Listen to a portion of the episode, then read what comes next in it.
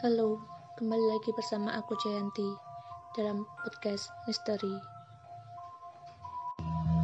Misteri Dua Wanita Tak Kasat Mata by Kesa Felis Malam semakin larut, embusan angin malam semakin kencang. Daun-daun bergoyang seirama, terlihat begitu indah dalam keremangan. Tapi, kedua mata ini menangkap satu keganjalan yang tak pernah kutemui sebelumnya. Aku melihat seorang wanita yang menggandeng anak kecil. Mereka mengenakan pakaian sama, putih dan rusuh. Aku ingin berlari, tetapi kursi kayu ini seolah menahan tubuhku. Leherku menjadi kaku, dan terasa dingin seolah ada embusan nafas seseorang dari arah belakang. Aku hanya bisa memejamkan mata, mendengar suara tangisan anak kecil yang merintih, minta tolong entah pada siapa. Detik selanjutnya, aku mencium aroma busuk yang menyengat, dan tiba-tiba saja wajahku terkena percikan darah. Tubuhku menggigil saat menyadari bahwa wajahku terkena percikan darah. Aku ingin sekali memberontak, tetapi rasanya seperti ada yang mengikat tubuhku di kursi ini. Hembusan angin malam kembali terasa menusuk kulit. Pijar lampu di teras rumah meredup. Tidak seperti biasanya. Daun-daun di pepohonan yang sebelumnya mengalun begitu indah berubah menjadi menyeramkan, seperti digoyang oleh kekuatan gaib. Waktu seolah berjalan melambat, hingga akhirnya aku melihat rumah kosong di ujung kompleks dengan sangat jelas. Rumah yang terlihat membesar, seperti ingin menelanku hidup-hidup. Kini, kursi yang kududuki pun berjalan terseret, membawaku ke dalam sebuah ruangan kecil berdebu. Dan ini sangatlah aneh. Ruangan yang penuh dengan sarang laba-laba dan jejak kaki yang berlumur darah. Ini adalah rumah kosong yang terlihat begitu besar olehku beberapa menit yang lalu. Dan ternyata anak kecil itu berada dalam ruangan ini. Dia duduk di atas ranjang dengan posisi punggung yang membelakangiku, hanya berjarak 2 meter. Rambutnya terurai, menjutai ke lantai. Tangannya memanjang, menyeranggai atap ruangan. Ruangan kecil seperti bekas terbakar dan rasanya sangat tidak asing bagiku. Hanya saja, sekarang terasa berbeda.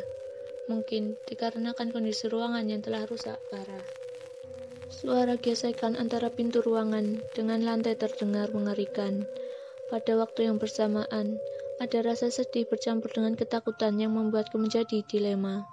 Rasanya, aku pernah hidup dalam ruangan ini untuk waktu yang lama, tapi aku sama sekali tidak mengingatnya. Kecelakaan dari dua tahun yang lalu telah membuatku kehilangan ingatan.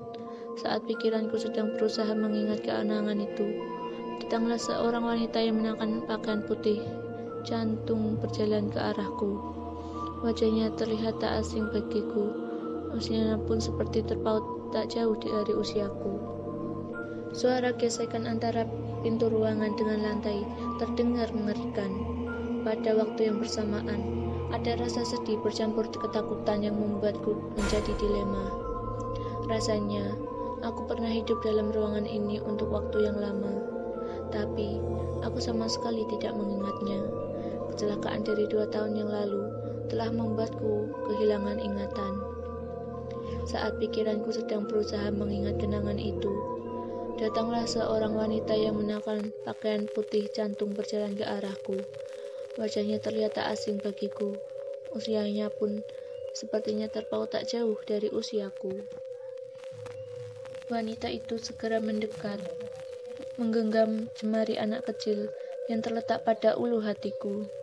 Mereka menggesekkan kuku-kuku tajamnya pada pakaianku, hingga lepaslah satu persatu kancing bajuku. Dan kini tubuhku terasa sangat dingin, sebab jemari mereka sepenuhnya telah menyentuh kulitku. Dalam waktu yang bersamaan, tubuh anak kecil itu mendekatiku. Tangannya memendek. Dia duduk di pangkuanku dan menatapku dengan seksama. Wajahnya terlihat pucat, bibirnya berwarna biru kehitaman, serupa dengan lingkaran kantung matanya. Anak kecil itu mengalungkan kedua tangannya pada leherku, menyandarkan kepalanya pada dadaku. Dia memperlakukanku seolah aku ini adalah ayahnya. Aku yang benar-benar ketakutan pun tak kuasa untuk berbuat sesuatu, kecuali tetap menjaga kesadaranku sendiri. Saat aku mencoba memahami semua kejadian ini, tiba-tiba wanita parubaya yang berdiri di hadapanku menatapku dengan penuh kesenduan.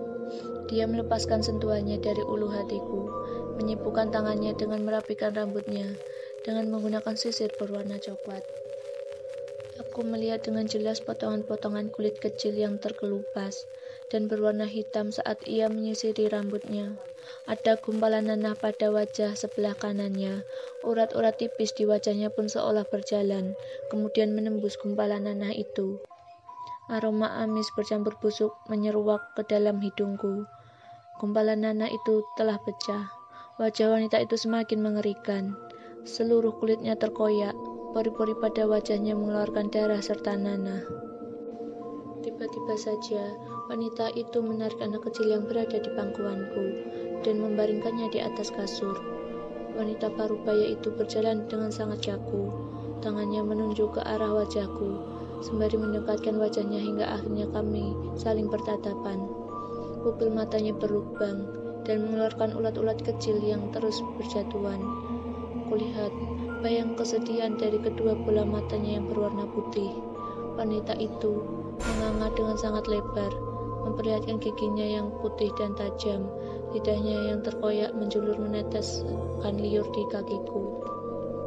Aku meneteskan air mata, seolah merasakan sebuah kesedihan yang dirasakannya. Anak kecil yang duduk di atas ranjang itu pun berjalan dan kembali mendekatiku.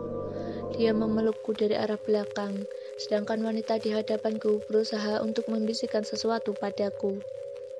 Rambutnya yang panjang terkesiap seketika, memperlihatkan lehernya yang sudah membusuk. Kedua mataku pun tak sengaja menatap satu benda yang melekat pada lehernya, dan menjadikanku tidak peduli lagi pada apa yang akan terjadi padaku. Ruangan ini begitu gelap, namun aku dapat melihat dengan jelas benda itu pada lehernya, seolah Tuhan sedang memberiku keajaiban. Aku sudah tidak peduli meski wanita itu terus menjilati leherku dengan lidahnya yang busuk lagi menjijikan itu. Semua terasa begitu dekat denganku. Aku seperti mengenali semuanya, apa yang pernah terjadi antara aku dan mereka. Kepala aku menjadi sangat berat, Sepertinya otakku sedang mengumpulkan puing-puing ingatan masa laluku sejak wanita itu membisikkan sesuatu yang tidak dapat aku mengerti sama sekali. Kalung, aku pernah memakaikan kalung itu pada seorang wanita yang pernah kunikahi. Tetapi, tujuh tahun setelah kami bersama, aku meninggalkan istri dan anakku, sebab ada sebuah tugas yang harus kupertanggungjawabkan di luar kota. Anak kecil ini, aku bertanya dalam batinku sendiri. Air mata terurai begitu saja dari kedua sisi mataku. Kedua sosok menyeramkan itu pun dengan cepat berjalan menjauhiku. Mereka berdiri menghadapku, menyuguhkan senyuman yang begitu manis dan bersamanya dengan lambaian tangan. Saat itu, mereka menunjukkan sebuah kaset dan radio kecil yang terletak di atas meja yang sudah tak utuh lagi. Tanpa pikir panjang, aku pun segera berdiri dan meraihnya. Hatiku yakin bahwa ada sesuatu yang ingin mereka sampaikan padaku melalui benda itu. Dengan sikap, aku memutar rekaman pada kaset yang terletak dalam radio kecil itu, mendengarkannya dengan seksama. Aku mendengar suara jeritan dan juga benturan antar benda dalam sebuah ruangan. Mereka berteriak, meminta tolong pada seseorang untuk memadamkan api dan juga melepaskan ikatan pada tubuh mereka. Tak lama dari permintaan itu, aku pun kembali mendengarkan sumpah serapah untuk seseorang yang membakar mereka. Sepertinya, suara itu adalah suara istriku. Dia bersumpah akan memberikan hukuman yang setimpal pada mereka setelah berhasil memberitahuku. Aku pun menangis penuh penyesalan setelah mendengarkan semuanya. Istri dan anakku telah mati, mereka membunuh keluargaku. Kupandangi kepergian kedua wanita terkasihku. Rasanya aku tak layak lagi untuk hidup. Tapi aku harus membalaskan dendam Ningsih istriku. Pada mereka, pembunuh yang tidak pantas dibiarkan hidup dengan bahagia di atas penderitaan istri dan anakku. Ningsih, aku akan membalaskan dendam keluarga kita. Terima kasih telah mendengarkan podcast misteri. Sampai jumpa di lain waktu.